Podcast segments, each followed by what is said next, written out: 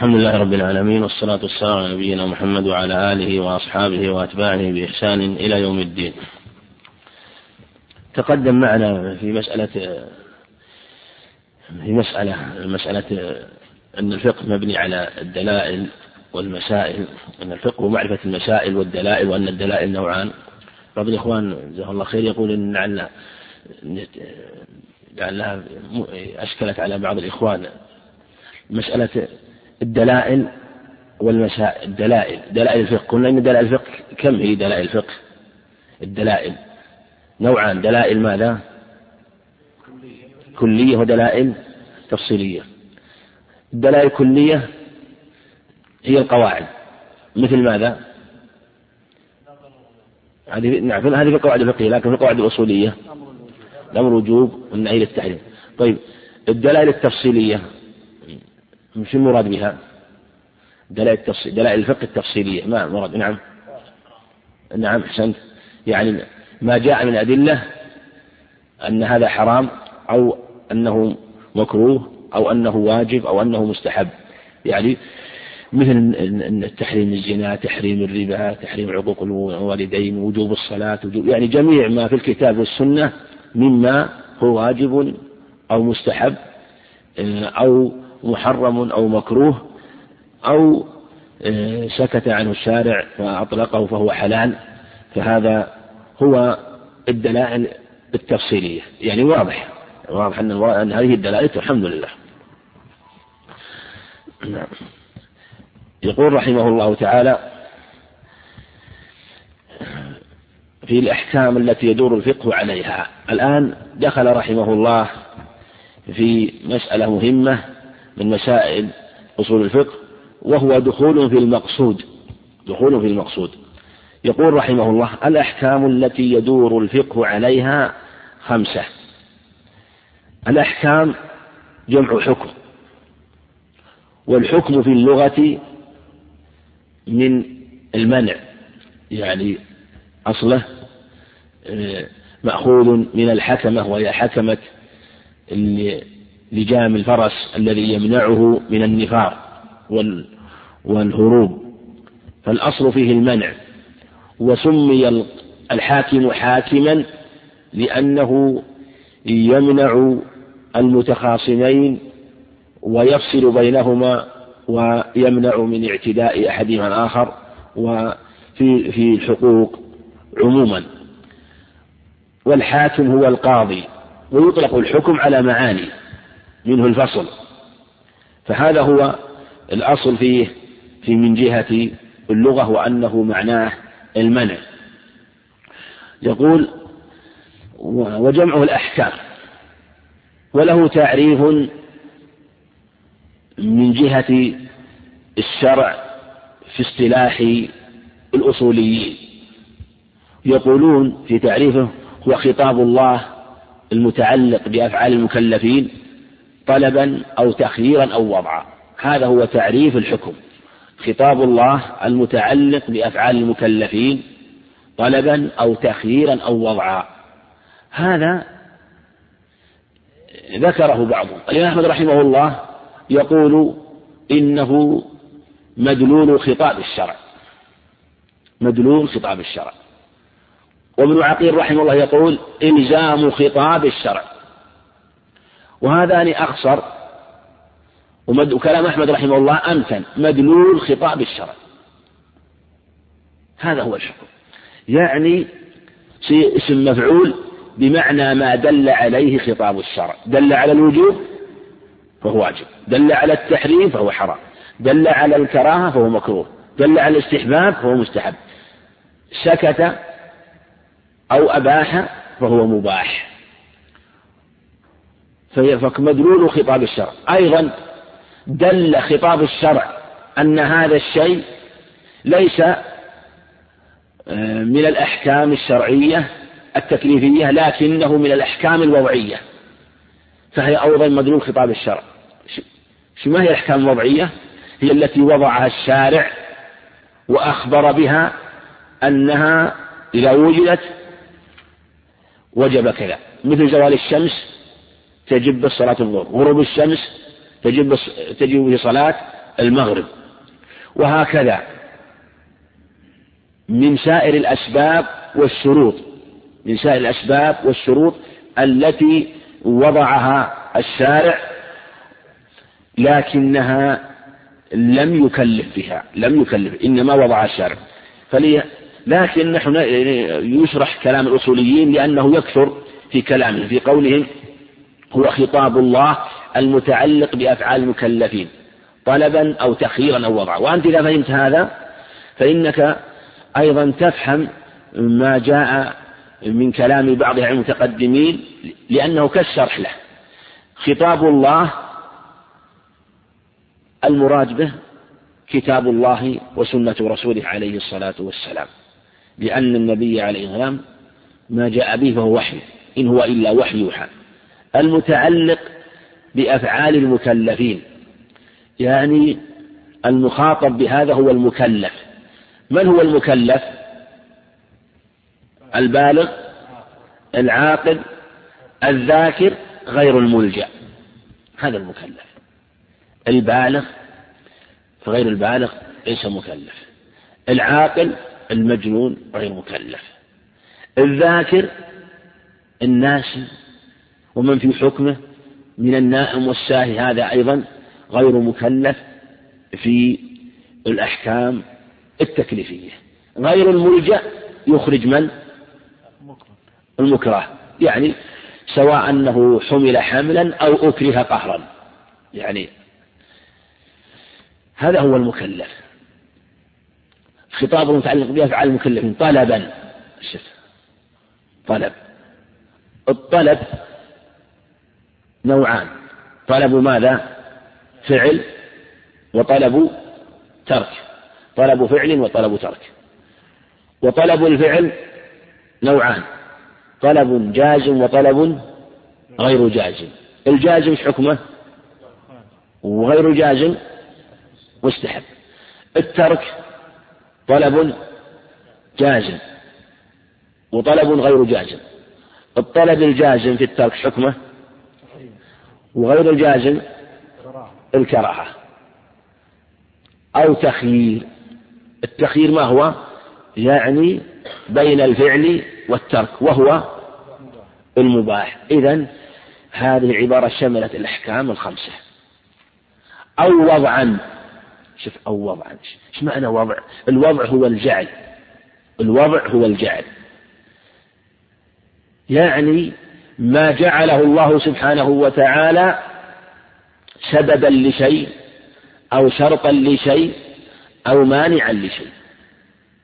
ومنهم من يلحق بها أشياء أخرى لكن هذه هي المشروع. الأسباب والشروط والموانع. الأسباب والشروط والموانع. فالأحكام الوضعية ليست تكليفية. الأحكام الوضعية ليست تكليفية. إنما هي علامات وضعت على وجوب الأحكام التكليفية إذا وجدت الأحكام الوضعية لزم المكلف مقتضى ذلك مثلا عند الأسباب إيش من الأسباب؟ زوال الشمس تجب ماذا؟ صلاة الظهر هل هو في فعل المكلف؟ ليس في مقدور المكلف ليس في مقدور المكلف. لكنه إذا وجد الزوال وجبت الصلاة. وجبت الصلاة. كذلك الشروط والموانع. الشروط والموانع. الحيض مانع للصلاة. وما في حكمها مما تشترط الطهارة. فهذا أيضا ليس داخلا لا يكل ليس داخلا تحت قدرة المكلف المكلف. والشروط أيضا. يعني ثم نعلم أن الأحكام الوضعية نقول إنها لا يكلف بها سواء ومنها ما هو داخل تحت قدرة المكلف وهذا واصل ومنها غير داخل تحت قدرة المكلف ومنها ما هو داخل تحت قدرة المكلف. فكل سبب أو شرط أو مانع كل سبب أو شرط أو مانع داخل تحت آه، كل سبب أو شرط أو مانع فهو من الأحكام الوضعية غير التكليفية. ولو كان داخلا تحت قدرة المكلف فلا يلزم به. مثلا نصاب الزكاة.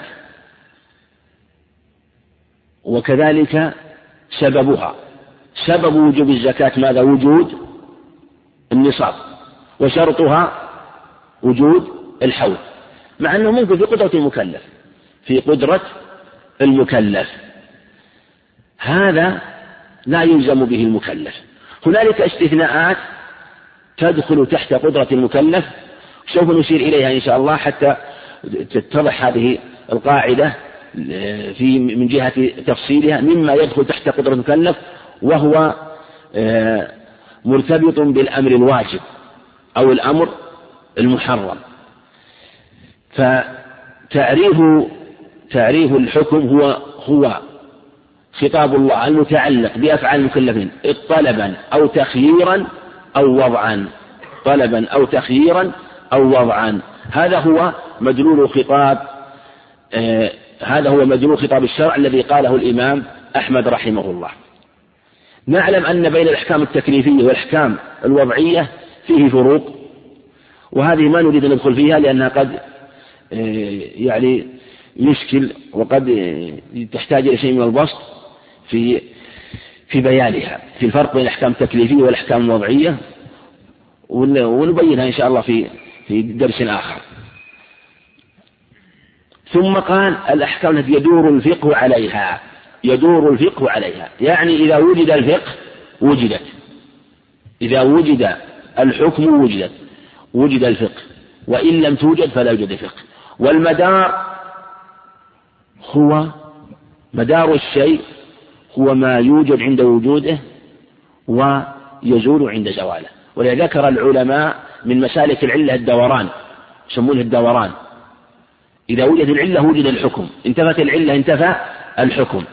فهذه الأحكام الخمسة إذا اكتملت سمي معرفتها فقها. من علم الأحكام الخمسة من علم الأحكام الخمسة كان بذلك فقيها وصف الفقه وصف الفقه, الفقه له لأن عليها مدار الفقه.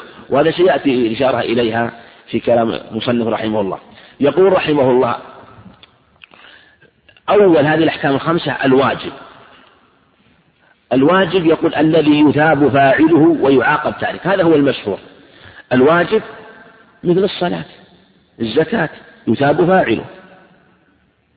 بر الوالدين وصلة الرحم. الأمر معروف النعم هذه واجبات يثاب فاعلها ويعاقب تاركه. يثاب فاعلها لأنه مأمور به أمر وجوب يعاقب تاركه لأنه ترك أمرا واجب هذا آه، التعريف المشهور. اعترض كثير من أهل العلم على هذا التعريف وقالوا إن قول يثاب فاعله هذا صحيح. لكن يعاقب تاركه هذا فيه نظر من جهة أنه يجوز العفو عنه إذا كان مسلما.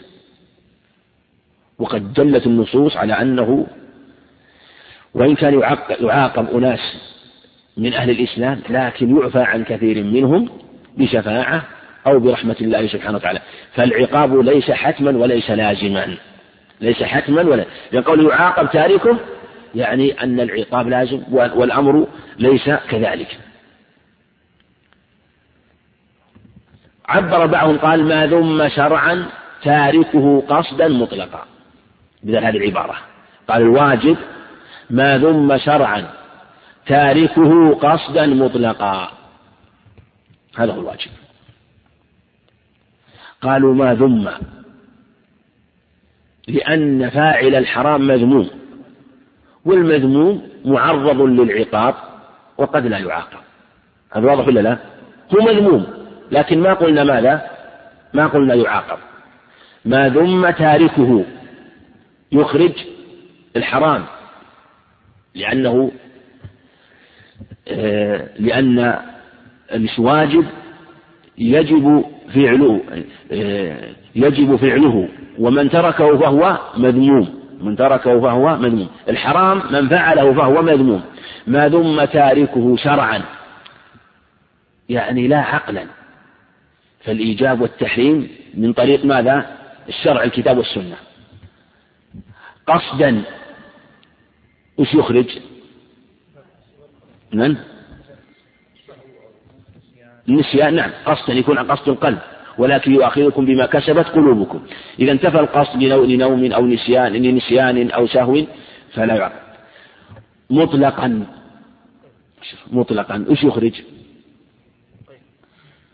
مطلق. يعني هو مقيد لكن هذه وهذا وهذا وهذا وهذا في الحقيقة تعريف تعريف جيد تعريف جيد والحدود كما نعلم كما نعلم تقريبية لكنه أمتن من هذا التعريف الذي درج عليه كثير من المسلمين وهذا التعريف ذكر صاحب التحرير ودرج عليه كثير من الشراح آه، الأصوليين يقول ما ذم شرعا تاركه قصدا مطلقا قصدا مطلقا. مطلقا شو يخرج؟ الآن هل تارك الواجب مذموم مطلقا؟ مثل نعم. المضطر قد قد يخرج من جهة أنه غير مخاطب. سبق معنا آه، قلنا في عبارة يعني أنه أن الملجأ غير مكلف ومكلف لكنه هذا مخت... هذا آه، مكلف مكلف. الآن صلاة يعني عندنا الواجبات في الشريعة.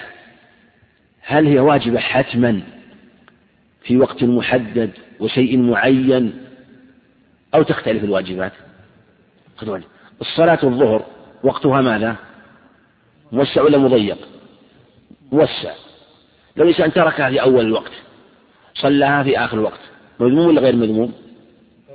إيه. مطلقا ليخرج الوقت المفعول فيه. لأن لو إنسان ترك الصلاة في أول وقت نقول هذا غير مذموم. هو تارك هو تارك الواجب الآن. لكنه لم يتركه مطلقا لم يتركه مطلقا لأن الوقت موسع. أيضا نفس عندنا المفعول فيه وهو الوقت. المفعول فيه وهو الوقت. وعندنا المفعول وهو نفس الواجب. الواجب قد يكون معينا وقد يكون مخيرا. قد يكون مخيرا وقد يكون شيئا معين خصال الكفارة خصال الكفارة. وش خصال الكفارة؟ نعم مخير. بين ماذا؟ العتق والإطعام. نعم والكسوة الصيام بعد ذلك فمن لم يجد صيام ثلاثة أيام؟ فيها تخيير وترتيب فيها تخيير وترتيب فقولا مطلقا ليخرج الواجب المفعول نفسه. فلو أنه ترك مثلا خصلة الإطعام وكسى لا يعتبر مذموم لأنه واجب مخير. ففعل هذا أو فعل هذا أو فعل هذا إذا ترك جميع الخصال مطلقا فيكون ماذا؟ مذموم. أيضا باعتبار الفاعل. باعتبار الفاعل. صار عندنا مثلا النظم المفعول فيه؟ وهو الوقت مثلا. وال... نعم. والمفعول مثل خصال الكفارة. والفاعل اللي هو نفس المكلف. الواجب قد يكون واجبا عينيا وقد يكون واجبا كفائيا. العيني ما فيه تخيير واجب. أليس كذلك؟ لكن ليخرج الواجب ماذا؟ الكفائي. لو أنه رأيت إنسان غريق. أنتم واقفين الآن وشفت إنسان غريق أو حريق. يجب على من حضره أن ينقذه. طيب. يجب خطابا للجميع. ليس لفلان كل من كان قادر يجب عليه ينقذه. كل من كان قادر يجب عليه ينقذه. الآن واجب. نزل إنسان وأخرجه وأنقذه من الغرق. الآن هل يخاطب البقية ولا ما يخاطب؟ آه ليخرج الواجب الكفائي إذا فعله البعض. طيب. لو أن الإنسان قال طيب أنا ودي لو أسوي مثل ما سوى. يوم أنقذ راح طب في البحر وطلع. يصلح ولا ما يصلح؟ هو أنقذها الآن. لما أنقذه جاء إنسان قال أنا ودي أحوز على شيء من الأجر شو نقول؟ نقول ننزل في البحر ثانية؟ ما في غريق. ما في غريق. ولهذا يقولون الواجب كما سيأتينا الكفائي ما لا تتكرر فائدته بتكرره. العيني تتكرر فائدة تكرره. أما الآن لو تكرر لو أنه نزل ما في فائدة. ما لا تتكرر فائدته بتكرره. فقولنا مطلقا ليخرج المفعول والمفعول فيه والفاعل على هذا التقسيم. فهذا هو الواجب كما تقدم وهذا أمتن وهذا أمتن أيضا ننبه إلى أن الواجب الواجب مأمور به مأمور به وفي مباحث كثيرة لكن أجملها أذكرها على سبيل الإجمال لأن نعلم بحث الأصول في خاصة في كثير من في مسائل في مسائل في الخلاف فيها فائدة. وذكره حسن وفي في الحقيقة الخلاف فيها عقيم ويضيع الأوقات بلا فائدة. لكن منها أولا أن كلمة الوجوب والواجب يدل على الوجوب من جهة اللغة. أصل الوجوب من وجب يجب وجوبا أو وجب يجب جبة وجب يجب وجوبا معنى لزم وجب الشيء يجب يجب وجبة وجب يجب وجبة أي سقط. المصدر في الأولى وجوب وجوب. والمصدر في الثاني ما هو؟ وجبة. هم يتفقون يتفقان في في الماضي والمضارع ويختلفان في ماذا؟ وجب يجب وجبة. تقول وجب الحجر يجب وجبة إذا سقط. في صحيح مسلم كنا مع النبي صلى الله عليه وسلم فسمعنا وجبة. حديث مسعود وجبة. أسمع الله يعني سبحانه أسمع سبحانه وتعالى. أصحاب النبي وجبة. قال أتدرون ما هذا؟ يقولون يقول النبي عن أصحابه قالوا ما هذا؟ قال هذا حجر أرسل إلى قعر جهنم منذ سبعين خريفا الآن بلغ قعرها. الحجر سرعة هائلة إذا كان ساقط. من سبعين خريف الآن بلغ قعرها. لما بلغ قعرها إيش عمل؟ مع شدة الضربة في قعرها صار له صوت سمع الصحابة. وجبة. الوجبة هو السقطة. ومنها قوله تعالى وجبت فإذا وجبت جنوبها. وش ما هي الإبل. السنة أن تنحر الإبل ماذا؟ قائمة معقولة يدها اليمنى. إذا نحرت وهي قائمة تسقط. وجبت تسقط على ماذا؟ على الجنب. وجبت جنوبها أي سقطت على جنوبها. فهذا معنى الوجوب في اللغة. وجب يجب وجبة أي سقط. طيب. ووجب يجب وجوبا لزم تقول هذا يجب عليك. وجوب. وجوب تام. وكلاهما يدل على على اللزوم. الوجبة ما هو المعنى من كلمة السقوط؟ يعني الأمر الشيء الذي جاء الأمر به في الكتاب والسنة كأنه ساقط عليك لا محيد لك منه. مثل سقوط الحجر وسقوط الشيء الأرض. ساقط ساقط كذلك هذا الواجب لا مفر لك منه يجب عليك. أو من اللزوم وجب يجب وجوبا من اللزوم. لكن أيهما أشد في المعنى؟ من الوجبة ولا من الوجوب؟ أيهما أشد؟ لا من من جهة المعنى. الوجبة الوجبة يعني الوجبة في الحقيقة وجوبها أمر حتم لا يمكن. أما مسألة اللزوم يحصل آه، فيها مسمى الوجوب لكنها في الوجبة أشد في الوجبة أشد. ولهذا نذكر في مبحث الفرق بين الفرض والواجب. هل بينهما فرق؟ هل بين فرق ولا لا؟ الصحيح أنهما مترادفان وهذه البحث التي فيها كلام كثير والصواب أنهما مترادفان الواجب والفرض. والخلاف أشبه ما يكون بالخلاف اللفظي من جهة المعنى. لكننا نقول إن الوجوب يختلف فيه ما يجب وجوبا قطعي بالنصوص الكثيرة وفيه ما يجب وجوب أقل من القطعي فإذا سميت ألو... الذي يجب وجوب قطعي فرض فلا مشحة في الاصطلاح. وإن سميته واجب فلا بأس. يقول يقول الله عز وجل وما تقرب إلي عبدي بأحب إلي مما افترضته عليه. ثم قال ولا يتقرب إلي بالنوافل سمى الواجب ماذا؟ فرض. ما افترضته عليه وجبت عليه. فيطلق الفرض على الواجب. حديث أبي ثعلبة في ضعف إن الله فرض فرائض فلا تضيعوها. أي أوجب واجبات. لكن كلمة الفرض يقولون أبلغ من من الوجوب من الواجب. قالوا لأن الفرض معناه في اللغة شو؟ ما هو الحج والقطع إيش معناه الحج؟ من فرضة النهر. وحج الشيء وقطع يسمى واجب. والوجوب السقوط. قالوا مثلا الحجر قد يسقط على الأرض ها؟ ولا يحفرها. وقد يسقط عليها فيؤثر فيها حفرة. فإذا أثر فيها حفرة فهو أبلغ في السقوط وإذا لم يؤثر فهو أقل في السقوط. فهو إذا إذا أثر كان أبلغ. كما قيل لا مشاحة في الاصطلاح فليسمى الواجب قطعي فليسمى الواجب القطعي بالفرض وغيره بالواجب. هذا من جهة الاصطلاح من جهة الاصطلاح.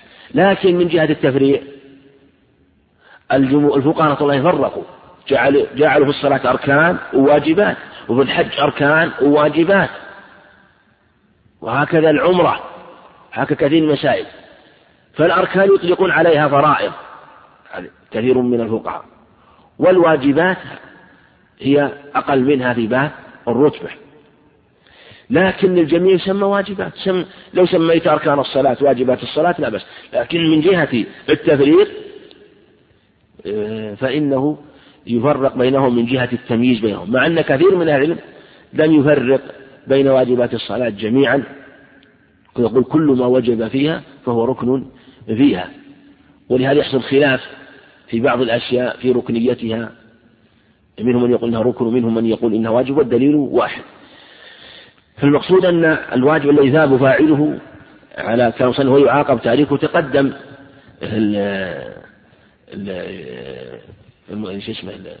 التعريف الثاني وهو أمتن وأقوى.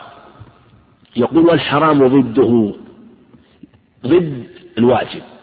يعني معنى الذي يعاقب فاعله ويثاب تاركه. الذي يعاقب فاعله ويثاب ثاب تاركه. كذلك هذا التعريف في قوله الذي يعاقب فاعله ويثاب تاركه. يثاب تاركه نستطيع أن نستخلص تعريفا آخر أيضا في الحرام. ما ذم فاعله شرعا. ما ذم فاعله شرعا.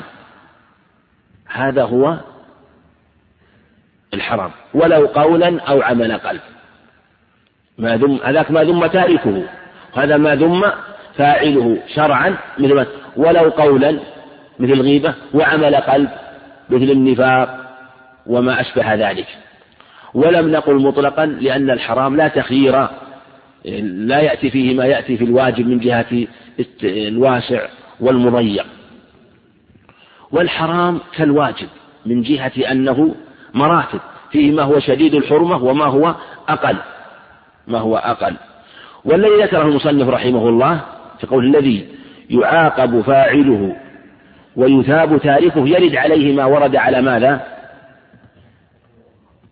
مسألة الواجب الذي آه، في قوله ويعاقب تاركه ويعاقب تاركه. الذي الحرام في قوله الذي يثاب الذي يعاقب فاعله. تقدم أنه قد يعفى عنه. كما أن ترك الواجب حرام ففعل الحرام حرام. فعل الحرام حرام لا يجوز. لكن يجوز العفو عنه ولهذا عبرنا بقول ما ذم شرعا تاركه ولو قولا أو عمل قلب. هذه زيادة ومع أن أول التعريف يكفي. المسنون. المصنف عبر بالمسنون وكثير من من الأصول يعبرون بماذا؟ بالمستحب. يقولون مستحب. بعض أهل العلم يقول إن هذه الاصطلاحات المسنون السنة الواجب الرغيبة الفضيلة اصطلاحات لا أصل لها في باب التقسيم وكل معناها واحد. لكن لا شك أن هذه الأمور المستحبة بعضها أقوى من بعض بعضها أقوى من بعض. وهي في الأصل مستحبة لكن منها ما يتأكد ومنها ما هو دون ذلك. يقول رحمه الله الذي يثاب فاعله ولا يعاقب تاركه. الذي يثاب فاعله هذا واضح ما في إشكال عليه.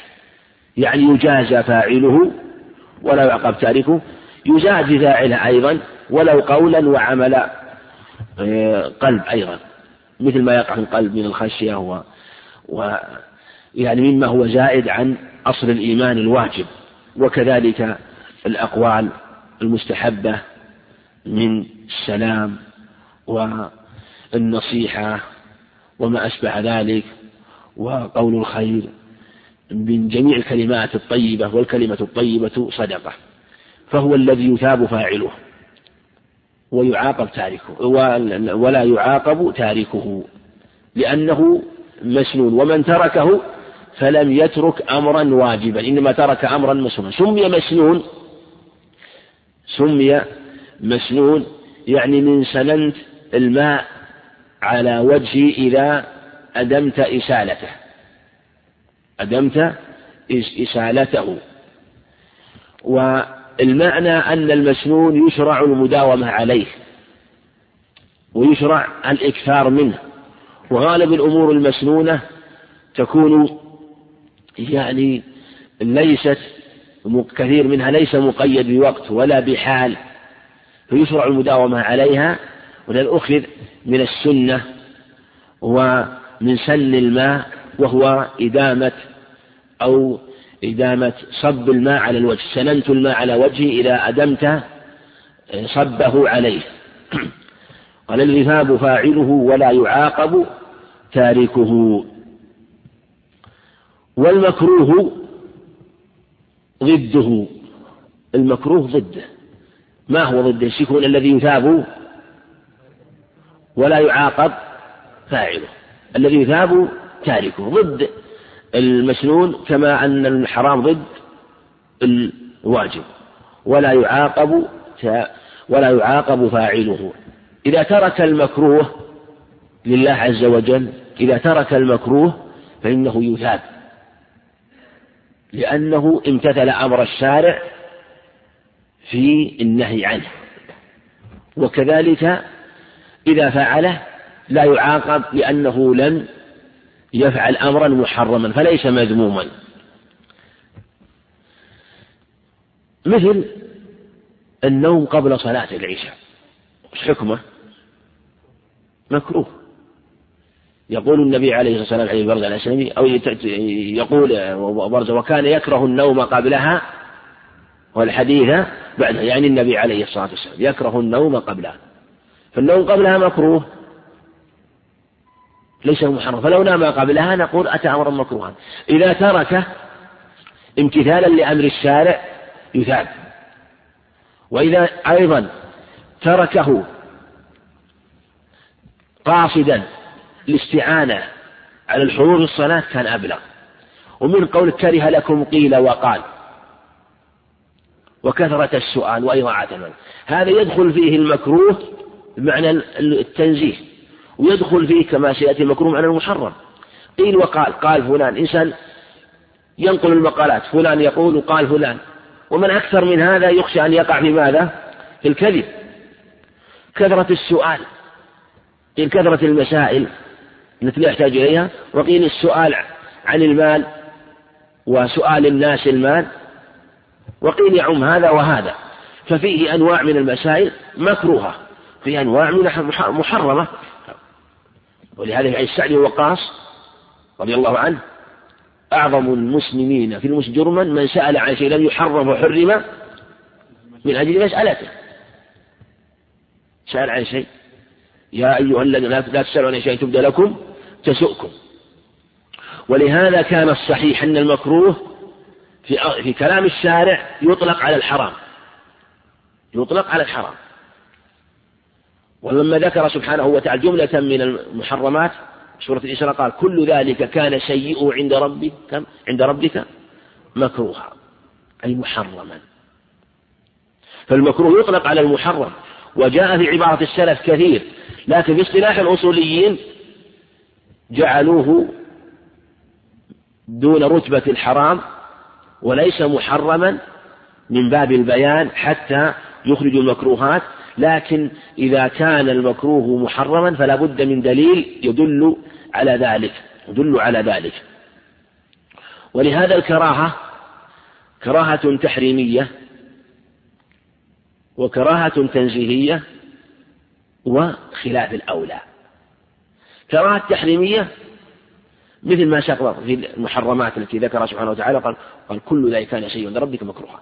ومثل مثلا السؤال المحرم كره لكم قيل الحديث هذا يدخل فيه المكروه معنى المكروه كراهة تنزيهية والمكروه معنى المحرم. قيل وقال إذا كان يقول الكذب أو لا يتحاشى ويقع في الكذب أو التقول على الغير آه، الكراهة التنزيه مثل ما تقدم في النوم قبل العشاء. يدخل فيه أيضا بمعنى ترك الأولى الكراهة. معنى ترك الأولى دون الكراهة التنزيهية. مثل الأكل متكئ الأكل متكئ هذا لا يبلغ إلى درجة الكراهة التنزيه لكن الكراهة التي هي خلاف الأولى. وكان وكل ما كان خلاف الأولى فهو مكروه. فهو مكروه.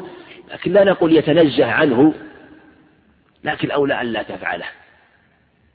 ولا نقول إن من تلبس به فقد تلطخ بأمر يشرع التنزه عنه أو أو يكون آه، آه، يوصف بهذا وأن التنزه عنه من وصفه لا. نقول خلاف الأولى. شو الدليل عليه؟ يقول النبي عليه الصلاة والسلام حديث أبي جحيفة أما أنا فلا آكل متكئا. ما نهى عنه. قال أما أنا يعني أن من هدي ومن سنتي أني لا آكل متكئا. فدل أنه على خلاف الأولى والصحيح أن الاتكاء يشمل الميل على على أحد الشقين الأيمن أو الأيسر ويشمل أيضا التربع.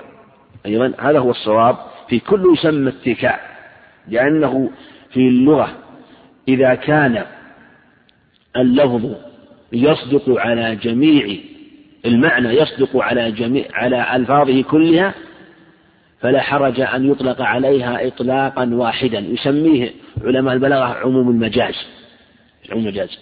يعني يطلق على هذا الميل على الشقين اتكاء والتربع اتكاء. كله يسمى اتكاء. مثل ما نطلق على الأمر على المستحب بأنه مأمور وعلى أن الواجب مأمور. هذا مأمور وهذا مأمور. لكن يتبين هذا بالدليل وهذا بالدليل. فهذا كله مكروه. مكروه. يقول نعم والمكروه والمكروه ضده. الخامس من الأحكام المباح. المباح في اللغة من باح الشيء إذا ظهر ومن باحة الدار لحضورها.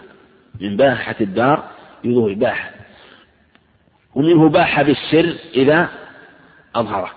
فهو قد ظهر وباح بمعنى ظهر. باح بمعنى ظهر. وهو في الشرع ما خلا عن مدح ودم. يقول صنه هو مستوي الطرفين. مستوي الطرفين. يعني لا يعني فعله وعدم فعله. لك أن تفعل ولك أن لا تفعل. هذا معناه ومنهم من عبر كما في واختصر التحريم وغيره ما خلا عن مدح وذم. ما خلا عن مدح وذم. وهذا في الحقيقة وعبارة المصنف يمكن أن تكون أكمل. لأن ما خلا عن مدح وذم قد يخرج منه أشياء يخرج منها أشياء ويسمونها الإباحة العقلية. الإباحة العقلية. لأن الإباحة عندنا نوعان. ما جاء من الشارع التصريح بأنه مباح. حل لكم صيد البحر وطعامه وأحل الله البيع. اليوم أحل لكم الطيبات. جاءت النصوص بأنها حلال. لك أن تتناول هذا أو أن تتناول هذا. لك أن تصيد ولك أن لا تصيد. و أحل لكم ليلة النساء. الرفث إلى نسائكم. أحل لك أحل. هذا كان في أول أمر لا يجوز. أحله الله سبحانه وتعالى. أحله. صار حلال. فهذا كله حلال. بمعنى أنه له أن يفعل وله أن لا يفعل. أيضا يطلق الحلال على ما لم يأتي فيه دليل من الشرع. سكت الشرع عنه. سكت الشرع. أم وهو مستوي الطرفين. مثل سائر الأمور التي لم يأتي من الشارع فيها نص. سكت عنها. نقول الأصل فيها الحل. وهنا تأتينا قاعدة الأعيان والأفعال المنتفع بها قبل ورود الشرع. وسكت الشارع عنها. ما حكمها؟ وسيأتي الإشارة إليها. لكي نصلي بعد ذلك إن شاء الله في قوله وأما المباحات. نعم. واضح في في شيء في مسألة أقسام الحكم. واضحة في كلام المصنف رحمه الله. نعم. يقول المصنف رحمه الله تعالى وينقسم الواجب إلى فرض عين يطلب فعله من كل مكلف بالغ عاقل وهو جمهور أحكام الشريعة الواجبة. نعم. وينقسم الواجب المصنف رحمه الله لما ذكر الأحكام الخمسة فرع على الواجب لأهميته ولأن الواجب والإيجاب هو الأصل هو الأصل في التكليف ولهذا سيأتينا في مسألة المصالح والمفاسد أن الشريعة بنيت على المصالح. والمصالح لا تكون إلا في الأفعال. حتى إن بعض أهل يرجع الشريعة كلها إلى المصالح. الشريعة هي تحصيل المصالح وتحقيقها. هذه. بعثت لتمم صالح الأخلاق. كما روى الإمام محمد كما قاله عليه الصلاة والسلام بعثت لأتمم صالح الأخلاق. كما روى أحمد رحمه الله بإسناد جيد. قال ابن حكيم عن أبي صالح عن أبي هريرة. جاء بلفظ مكارم. لكن هذا أجود معنى وسندا. فينقسم الواجب إلى فرض عين. فرض العين تقدم الإشارة إليه. وهو الذي يجب عينا على كل مكلف. وهو ما تتكرر مصلحته بتكرره. فرض العين. يعني ولا يقوم بأحد عن أحد. كل يؤدي الواجب لنفسه كل يؤدي وهو مقصود لذاته. يطلب فعله من كل مكلف. المكلف من التكليف من التكليف. والمكلف له شروط وله حدود وهذه لن ندخل فيها لكنه المكلف إذا بلغ ما يكون بمكلف سواء كان ذكر أو أنثى وجبت عليه التكاليف الشرعية. والمكلف إذا بلغ خمسة عشر عاما في حق الرجال والنساء أو الإنبات في حقهما وكذلك الإنزال في حقهما وتزيد المرأة بالحبل والحيض في حق المرأة خمسة وفي حق وفي حقهما جميعا ثلاثة يشتركان في ثلاثة. لكن هناك له شروط. بالغ عاقل. والبالغ تقدم. يعني استعجلنا فيه لكنه البالغ هو بأحد الأسباب المتقدمة. عاقل. يخرج المجنون. رفع القلم عن ثلاثة. عن المجنون حتى يفيق. فالمجنون لا تكليف عليه. ومنه المعتوه أيضا. أيضا يلحق به من الشروط الذاكر غير الملجأ. الذاكر غير الملجأ كما تقدم. وهو أي الواجب العيني هو جمهور. إيش معنى الجمهور؟ أي معظم. من قولنا هذا قول الجمهور. إيش معنى قول الجمهور؟ أي معظم أهل العلم أو الأكثر من أهل العلم. يعني أكثر أحكام الشريعة وهو جمهور أحكام الشريعة. جمهور أحكام الشريعة. يعني ما شرعه الله سبحانه وتعالى. فرض أن يطرف من كل مكلف بالغ عاقل وهو جمهور أحكام الشريعة الواجبة والواجب تقدم لشرعه. نعم. يقول المصنف رحمه الله تعالى وإلى فرض كفاية وهو الذي يطلب حصوله وتحصيله من المكلفين لا من كل واحد بعينه كتعلم العلوم والصناعات النافعة والآذان والأمر بالمعروف والنهي عن المنكر ونحو ذلك. وهذه الأحكام الخمسة تتفاوت تفاوتا كثيرا بحسب حالها ومراتبها وآثارها. نعم. يقول القسم الثاني وإلى فرض كفاية. المصنف رحمه الله يقول وهو جمهور أحكام الشريعة بالنسبة إلى فرض الكفاية. يعني أنهما قسمان فرض عين وهذا هو الغالب. بالنسبة إلى فرض ماذا؟ الكفاية. إلى فرض الكفاية. فغالب الأحكام وأكثر الأحكام هي الأحكام الواجبة.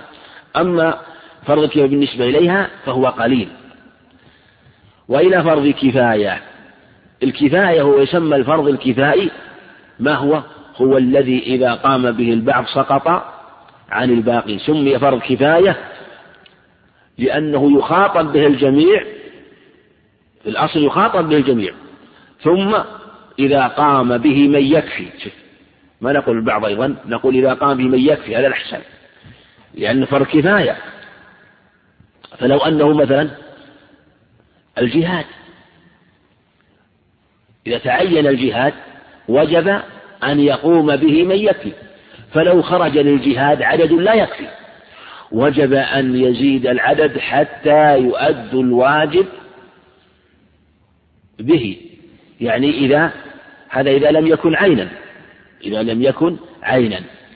ف فإذا وإذا تعين إذا تعين فإنه يجب أن يقوم به من يرفع هذا الواجب العيني على العموم من جهة الخطاب لأنه في حال الخطاب العام عينا على الجميع.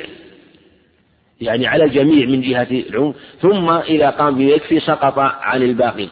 وتقدم أنه ما ما لا تتكرر مصلحته بتكرره. فإذا جاهد المسلمون ودخل الكفار في دين الله وأسلموا أو فتحت بلادهم في هذه البلاد فتحت انتهى الأمر. ما حد انتهى الأمر. ولهذا يقول الله عز وجل كتب عليكم الجهاد وهو كره لكم. فالمقصود تحصيل المصلحة بجهاد الكفار فإذا حصل حصل المقصود. وهو الذي يطلب حصوله وتحصيله.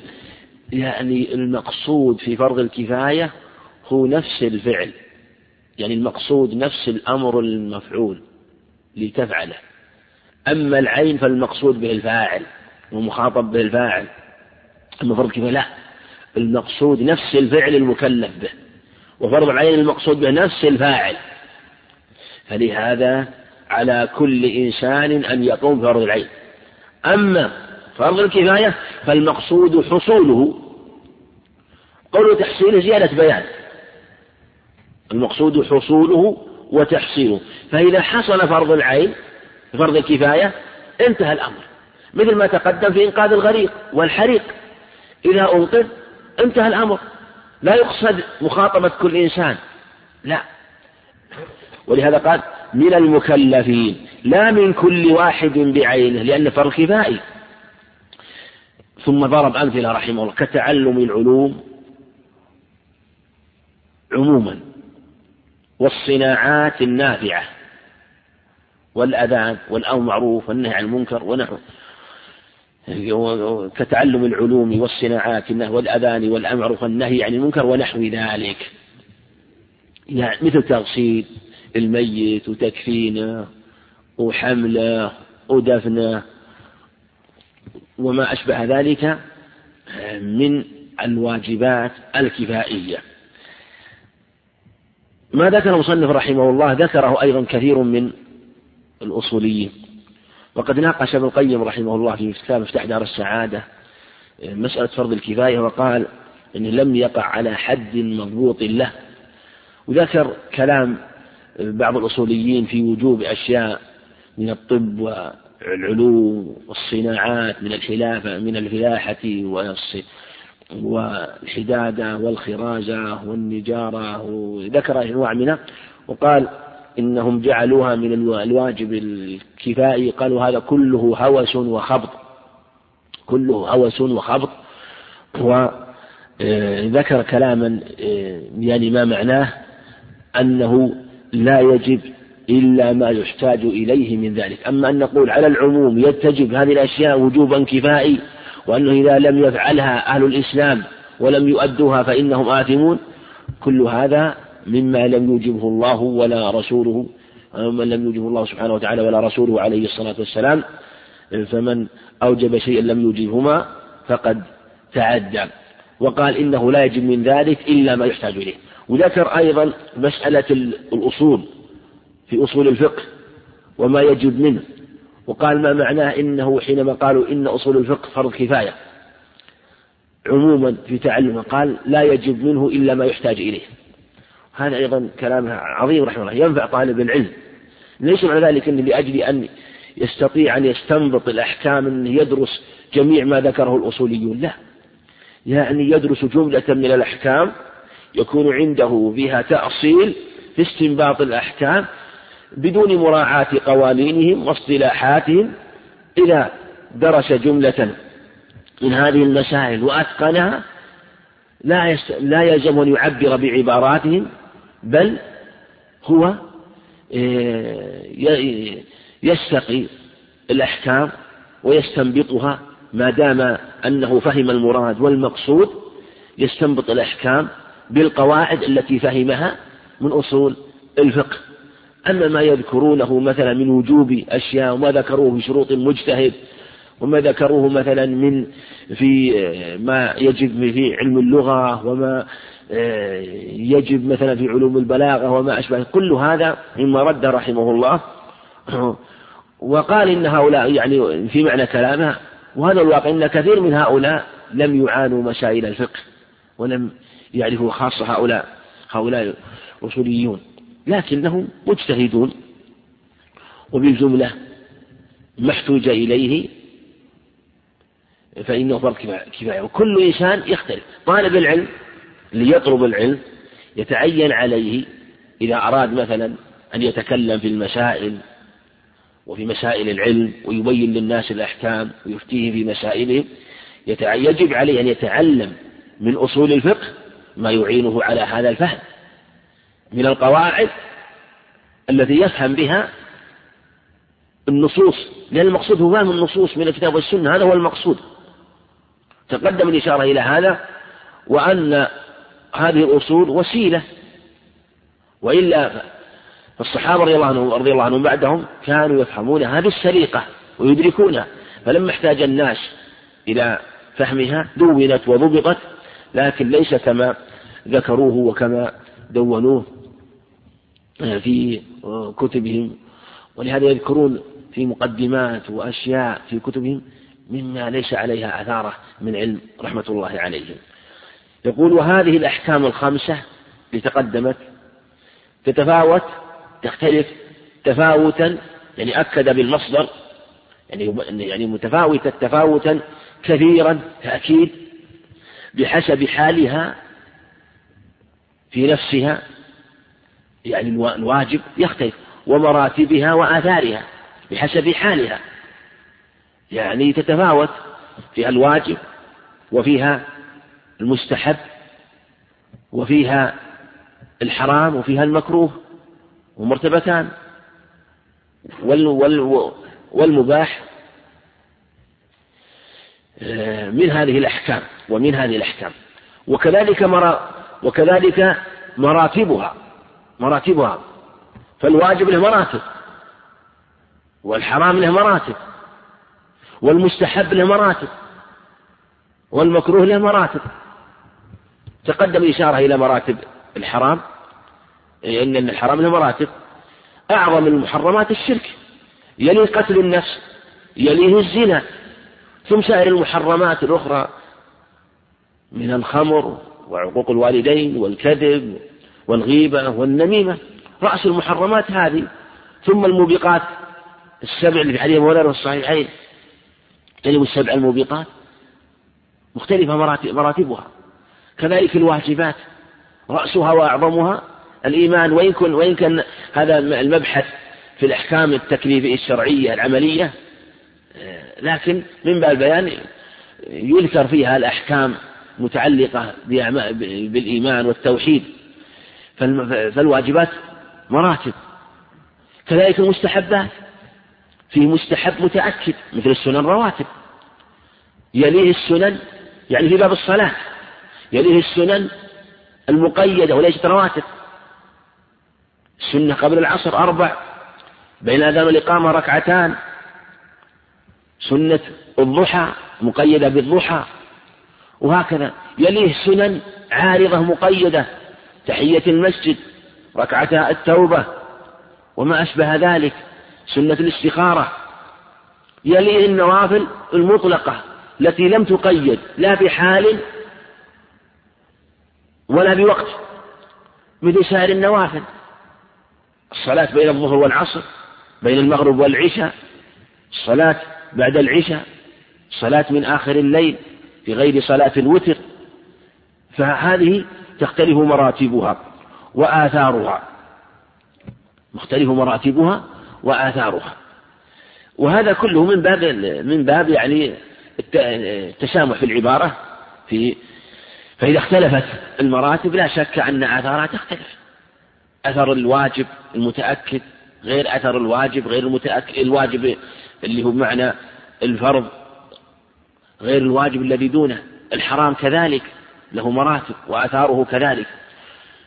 وهذا يتبين أيضا فيما بعده من ذكر المصالح في كلامه رحمه الله. نعم.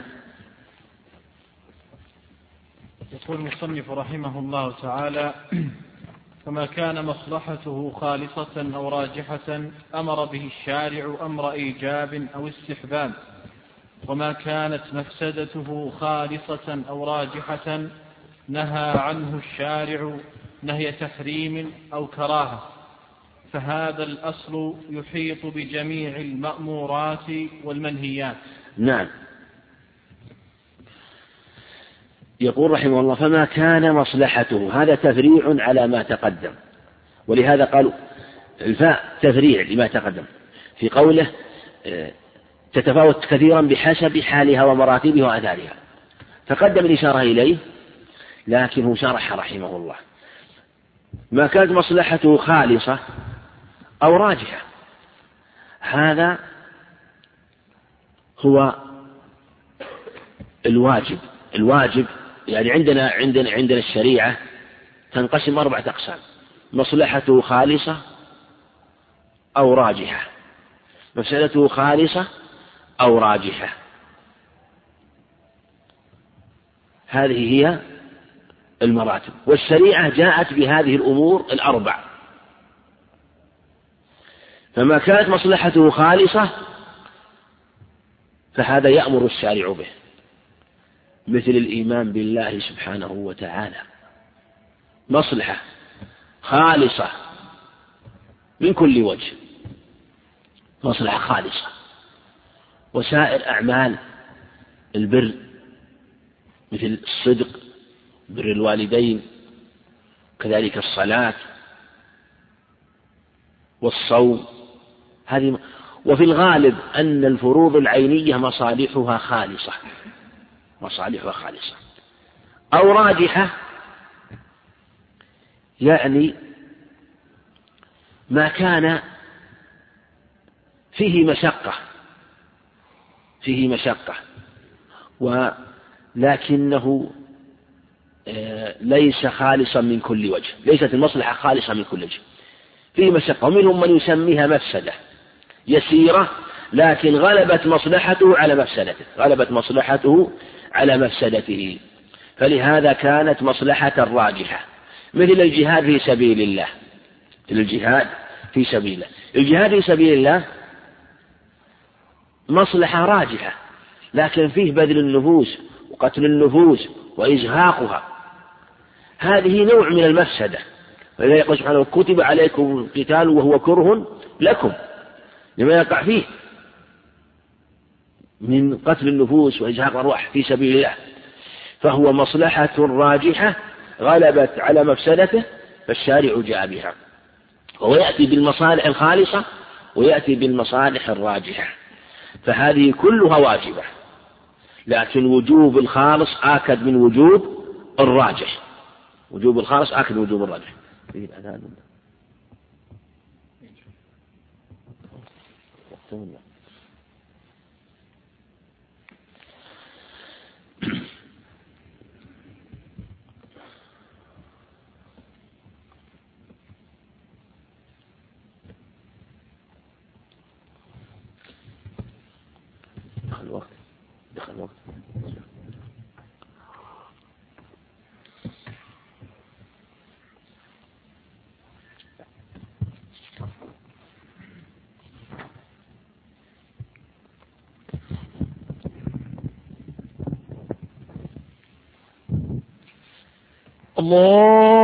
الله أكبر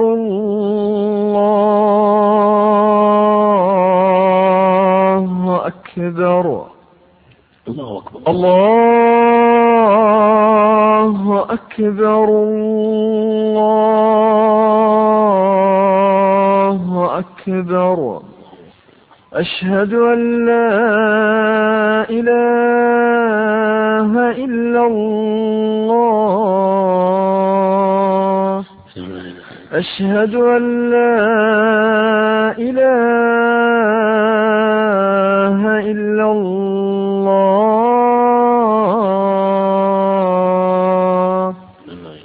أشهد أن محمدا رسول الله أشهد أن محمدا رسول الله. حي على الصلاة حي على الصلاة.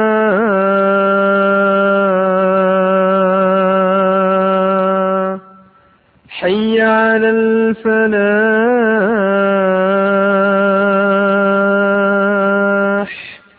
حي على الفلاح.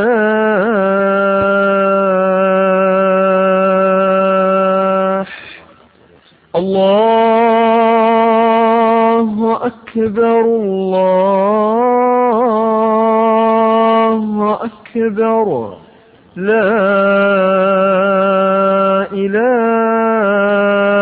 إلا الله.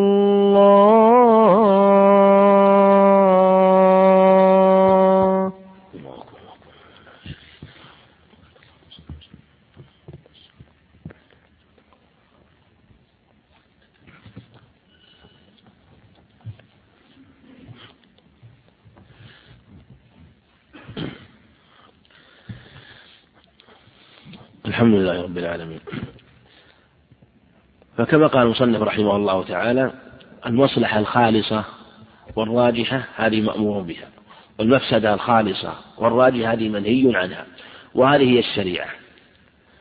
جاءت بهذه الأمور جميعا. ومن أهل العلم من قال إن الشريعة جاءت بتحصيل المصالح ودرء المفاسد اختصرها في هذه القاعدة. تحصيل المصالح ودرء المفاسد. ذكر العز بن عبد السلام رحمه الله. وهذا صحيح. تحصيل المصالح المصالح الخالصة والراجحة. نعم ودرء المفاسد ماذا؟ المفاسد الخالصة والراجحة. و وضايق بعضهم هذا الاصطلاح أو هذا الحد وقال لو قيل إن الشريعة جاءت بتحصيل إن الشريعة إن الشريعة كلها هي تحصيل المصالح بس لكان صحيحا. الشريعة هي تحصيل المصالح. واضح واضح؟ يعني إذا قلنا الشريعة مبنية على تحصيل المصالح لأن ما ما يمكن تحصيل المصالح إلا بدر المفاسد. فهو كما يقال من باب دلالة المطابقة واللزوم. يعني دلت دلت هذه القاعدة في تعريف الشريعة أو مرجع الشريعة على المصالح بماذا؟ بالمطابقة ولا باللزوم؟ كلمة تحصيل كلمة مصالح بالمطابقة ذكرناها بالمطابقة لكن هل ذكرنا اللزوم هل هل ذكرنا المفاسد ولا ما ذكرناها؟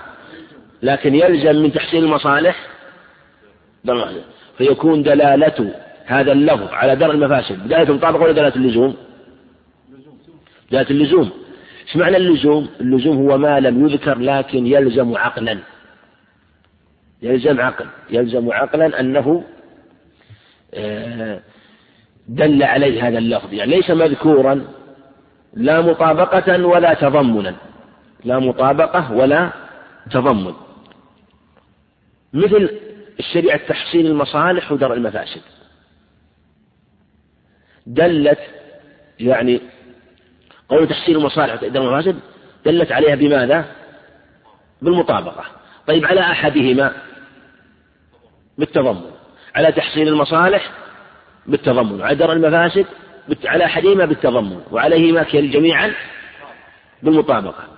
إذا آه، اختصرتها وأزلت منها درء المفاسد. وذكرت تحصيل المصالح. إيش تكون دلالة على درء المفاسد؟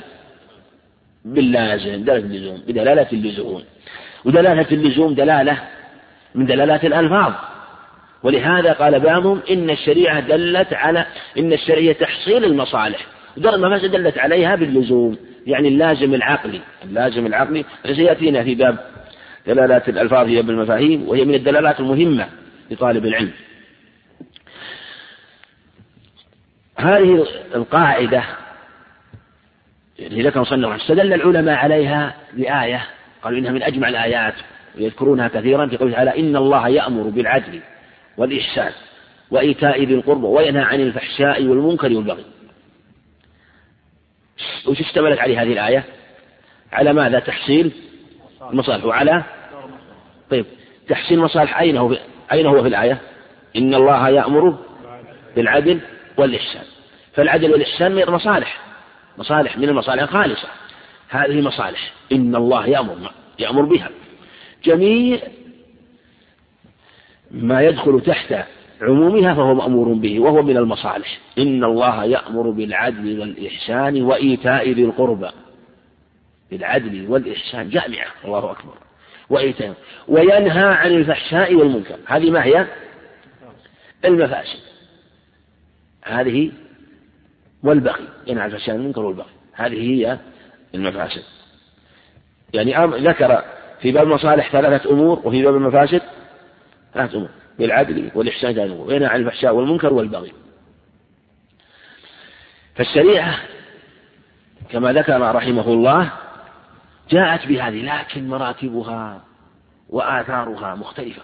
هذه قاعدة واسعة جدا ومباحثها طويلة وكثيرة لكن طالب العلم يعني حينما يستحضرها ويقرأ شيئا مما تكلم به أهل العلم ثم يستعرض أوامر الشريعة يزداد فهمه ونظره يعني التأمل والنظر يعني يعمل فكره ونظره في هذه المصالح وما تأتي به. يمنحه الله شيء من الفهم والإدراك. فما كان المصلحة خالصة أو راجحة. قول خالصة ذكر بعض العلماء مبحث هل في الدنيا مصالح خالصة؟ كما ذكر المصنف رحمه الله أو أن المصالح راجحة ليست خالصة. كلام مشهور أن فيها مصالح خالصة وراجحة نعم.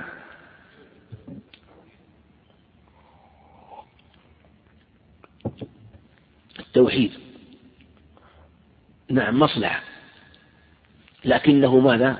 تكليف. تكليف. هم يقولون هذا مصلحة لا شك. هم يقولون إن أردتم يعني بعضهم يقول أن المصالح الخالصة المصالح الخالصة التي أمر الله بها سبحانه وتعالى التي أمر بها إن أردتم ب لأن من يخالف يقول إن ليس في الدنيا مصالح خالصة.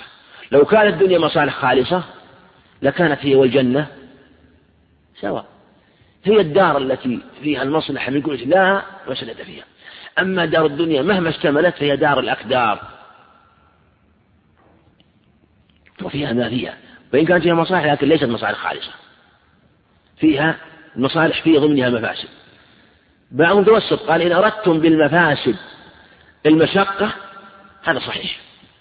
التكاليف الشرعية فيها مشقة لكنها مشقة في حدود المكلف ثم المكلف هو في الحقيقة حينما يترك التكاليف الشرعية وينفلت تكون مشقته وشقاؤه أعظم وأعظم لكن هي في نفسها تكاليف والتكليف هو الأمر بما يشق تكليف الأمر بما يشق لكنه ليس تكليفا بما لا بما لا يطيق.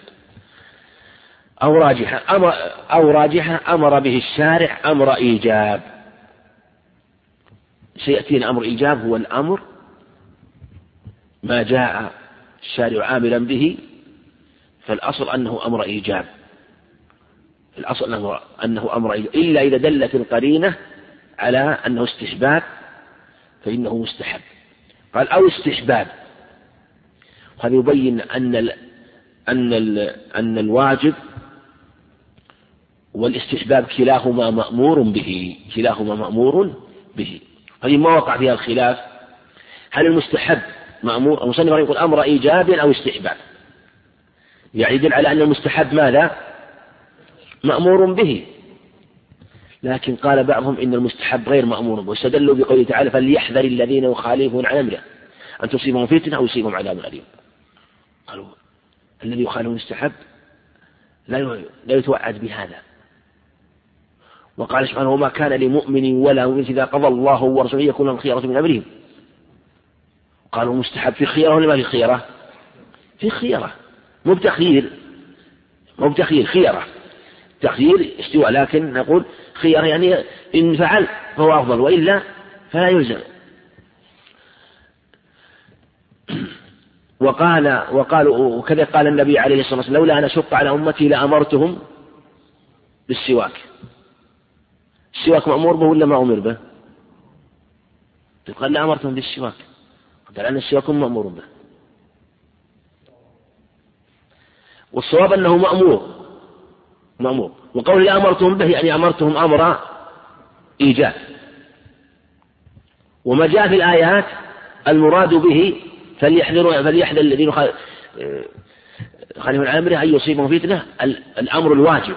كذلك ما كان المؤمن ومن إذا قضى الله ورسوله أمر يكون لهم خيرة في الأمر الواجب. نحن نقول الأمر المستحب ما دلت القرينة على استحبابه.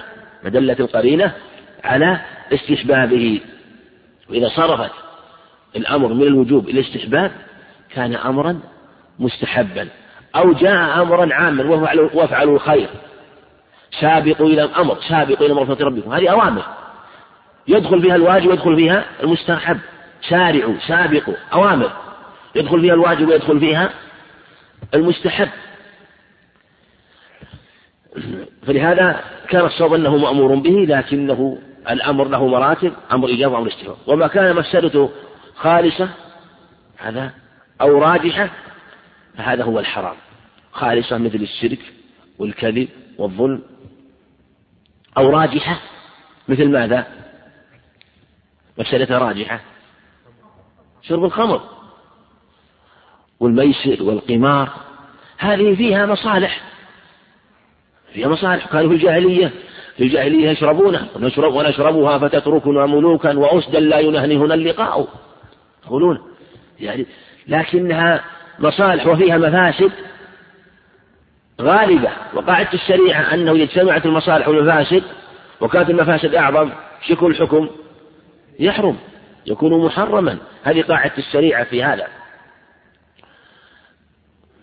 ولهذا إذا وجد أمران مصلحة ومفسدة فكانت المصلحة منغمرة في المفسدة شو الأولى درء المفسدة ولا تحسين المصلحة؟ درء المفسدة. هذه اجتمعت المصلحة وكانت المصلحة منغمرة أو بالنسبة إلى المفسدة قليلة درئت المفسدة وتركت المصلحة الذي بال في المسجد بال في المسجد قوله في المسجد ماذا؟ مفسدة ونهيه عنه مصلحة النبي عليه الصلاة والسلام هل حصل هذه مصلحة ولا درى المفسدة؟ درى المفسدة لم ينهى مع أن النهي عن بول المسجد مصلحة شرعية لكن لما كان نهيه يترتب عليه ماذا؟ مفسدة. فهو الصحابة رضي الله عنهم بادروا في الإنكار لأنهم يعلمون هذا أمر منكر ولم ينتبهوا إلى الآثار لأنهم يتعلمون منه عليه الصلاة والسلام. فالرسول نبههم عليه الصلاة والسلام إلى الآثار. قال مه مه دعوه. من أنكر عليه؟ أنكر على أصحابه ولا على الأعرابي؟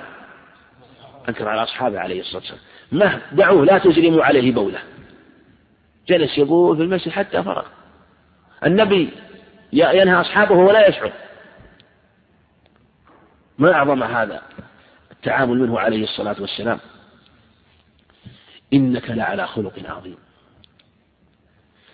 تركه حتى هذه الأمور التي فيها وفي الحقيقة هذه مفاسد لكن وهذا الحديث نستخرج منه قواعد كثيرة في المفصل لكن هذه قاعدة واحدة. لكن نستخرج منها أيضا قاعدة المفسدتين. أيضا ممكن تتأمل تستخرج من قاعدة إذا اجتمعت مفسدتين يعني وفي مصلحة في قاعدة المصلحة الصغيرة والمفسدة الكبيرة. وفي أيضا المفسدة الكبيرة والمفسدة الصغيرة. يعني عندنا بولة في المسجد ماذا؟ مفسدة. الإنكار عليه مفسدة أكبر. يترتب على الإنكار مفسدة أكبر. ربما يكون سبب لردته. فلهذا ترك النبي. يعني نقول إذا اجتمعت مفسدتان فلم يمكن دفعهما بل لا بد من ارتكاب أحدهما ندرأ المفسدة العليا ونرتكب المفسدة الصغرى. النبي عليه الصلاة والسلام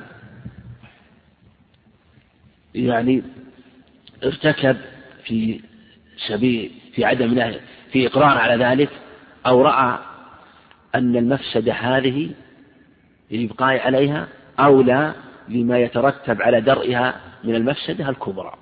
مفسدة الكبرى. أيضا قضية قاعدة أخرى قضية تلازم الحسنات والسيئات. تلازم. يعني لا يمكن إلا ما يمكن أن تدفعهما جميعا ولا أن تحصلهما جميعا. هذه قضية التلازم قاعدة قاعدة واسعة جدا وهي مهمة في هذا الزمان. قاعدة التلازم بين الحسنات والسيئات. يعني عندك أمر أمر منكر أمر منكر. وعندك أمر معروف.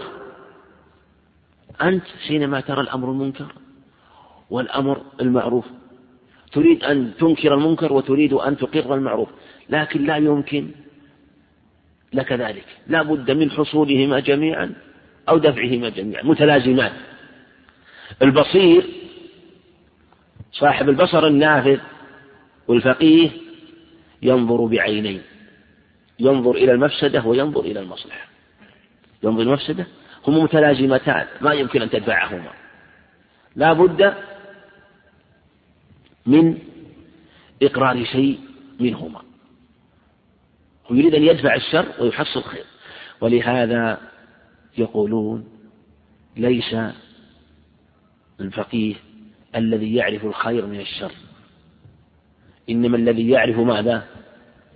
خير الخيرين وشر الشرين. الخير من الشر تعرف ماذا؟ البهائم. البهائم تعرف ما يضرها فتجتنبه تعرف ما ينفعها لكن الذي يعرف خير الخيرين وشر الشرين. هذه قاعدة إذا أخذتها تنفع في باب الإنكار. إنكار منكر في باب الدعوة إلى الله في باب التعامل. تعامل الرجل مع أهله وأولاده تعامل الرجل مع زوجته تعامل الرجل مع جيرانه تعامل الرجل مع من يدعوهم إلى الله.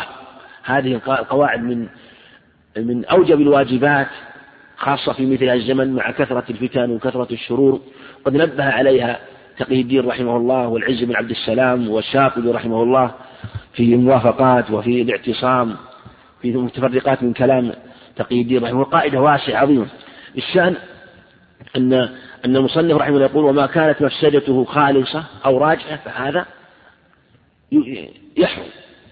يحرم. لكن الخالص أشد من غيره نهش عنه الشأن. نهي تحريم أو كراهة مثل ما تقدم. يعني إذا كان مكروها. فهذا الأصل يعني يحيط بجميع المأمورات وهي المصالح الخالصة والراجحة وهو الواجب. والمستحب وما تفرع عنهما والمنهيات وهو المحرم والمكروه وما تفرع عنهما. نعم وأما المباحات يقول المصنف رحمه الله تعالى وأما المباحات فإن الشارع أباحها وأذن فيها وقد يتوصل بها إلى الخير فتلحق بالمأمورات وإلى الشر فتلحق بالمنهيات.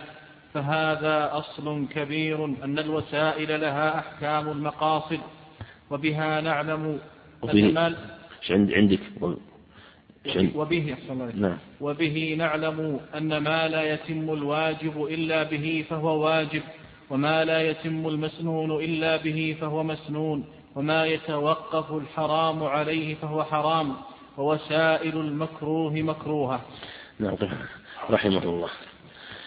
يقول رحمه الله وأما المباحات مثل ما تقدم في تعريف المباح فإن الشارع أباحها.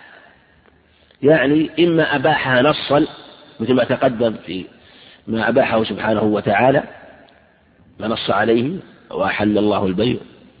حل لكم الشجرة من نسائكم. اليوم أحل لكم الطيبات أباحها نصا يعني. وقد يكون المباح من تحريم سابق وقد يكون أباحه ابتداء. من تحريم سابق مثل الرفث إلى النساء في ليلة الصيام في الليل. فإن أباحها. وكذلك أيضا تقدم أيضا مما أباحه ما سكت عنه الشارع. فما سكت عنه لم به نص فإنه أيضا مما أباحه الشارع. لأنه لا دليل على تحريمه أو كراهته ولا دليل على وجوبه أو استحبابه فإن أباحها وأذن فيها. أذن؟ يعني الإذن في الإقدام والإحجام في الفعل أو الترك. لك أن تفعل ولك أن تفعل. هذا هو الأصل فيها. لكن هنا قاعدة في باب المباحات. أن ما توصل به للخير مباحات فهو ملحق بالمأمورات ولقال وقد يتوصل بها الخير فتلحق بالمأمورات. يمكن يقال ما توصل به إلى الخير من المباحات فهو مأمور به. وما توصل به إلى الشر من المنهي من المباحات فهو منهي عنه. وإذا قال وإلى الشر فتلحق بالمنهيات يعني ممكن أن تجعل قاعدة في باب المباح. في المنهي وباب المباح في المأمور به. وقد يتوصل بها إلى الخير. فتلحق إذا قال وقد ليس دائما. الأصل أنها مأذون فيها. لكن هذا بحسب إنما الأعمال بالنيات. اللباس النوم الأكل والشرب في الأصل مباحة يأكل من هذا يأكل من هذا يشرب من هذا يشرب من هذا يلبس هذا الثوب. النوم هذه أمور يتصرف الإنسان بجبلته وطبيعته. يتصرف الإنسان بجبلته وطبيعته. إذا اتخذ الإنسان هذه المباحات وسائل إلى المأمورات فإنها تلحق مأمورات. من باب من باب الغاية لا من جهة الوسيلة من باب الغاية. فالمقصود هو الغاية ننظر إلى ما تؤول إليه. إنسان نام مبكرا يريد أن يستعين به على قيام آخر الليل. إنسان نام في النهار لأنه صائم حتى يستعين به على إتمام صومه. المجاهد الذي ينام يستعين به على جهاده. إنسان يقرأ القرآن يطلب العلم وجد مشقة وذهب وارتاح في بيته يستعين على حضور درس آخر.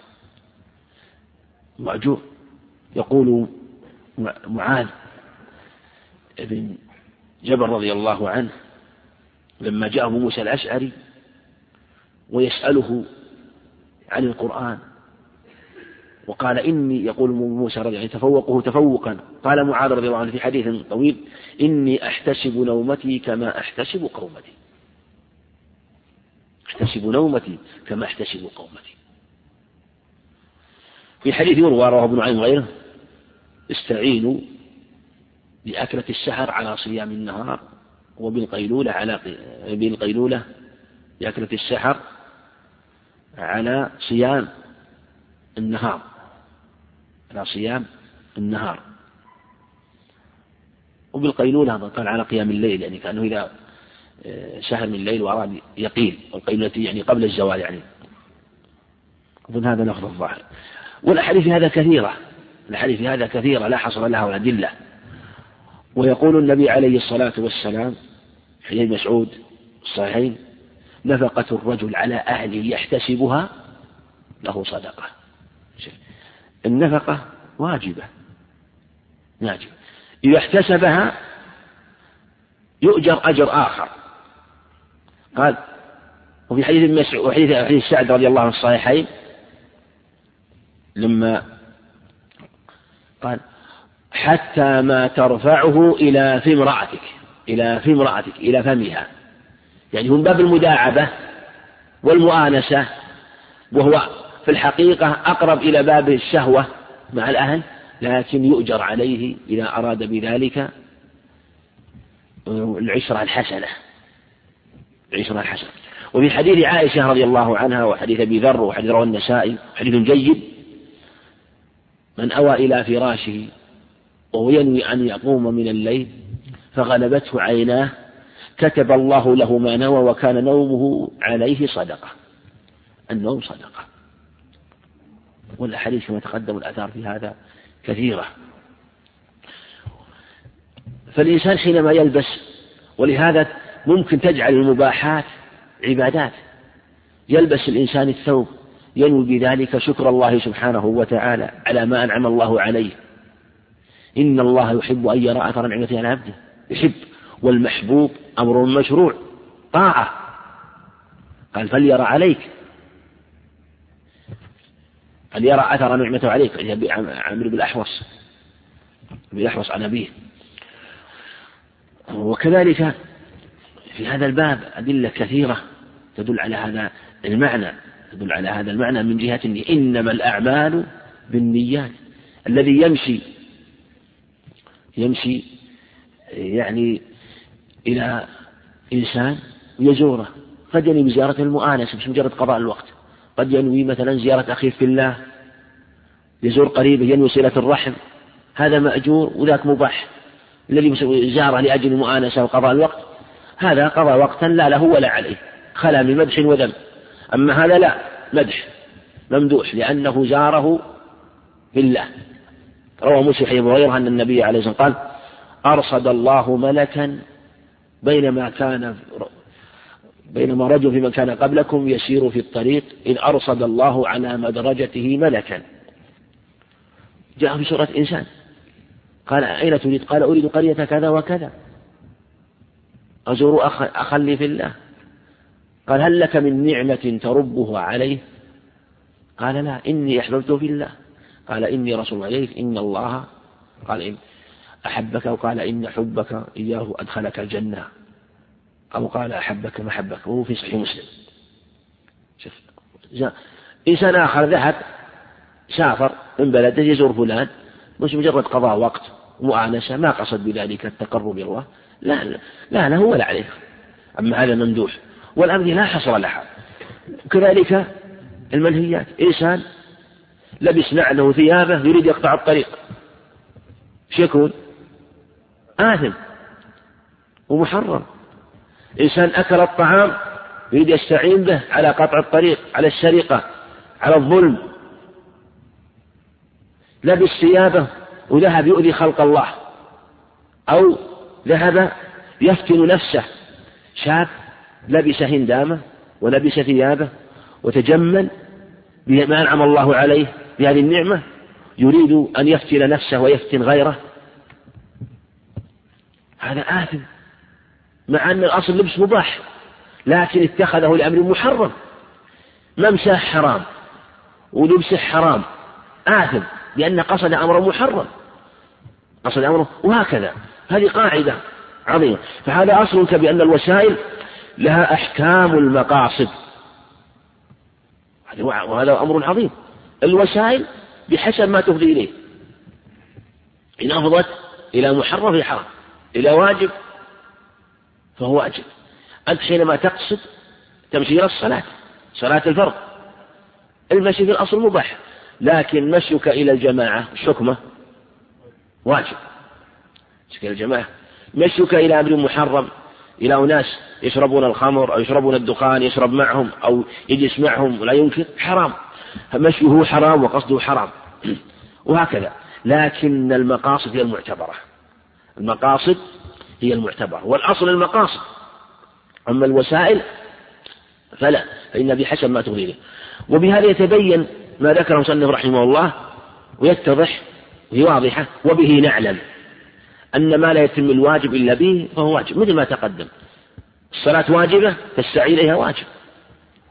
الحج واجب السعي إليه واجب. وهكذا ما لا يتم الواجب إلا به واجب.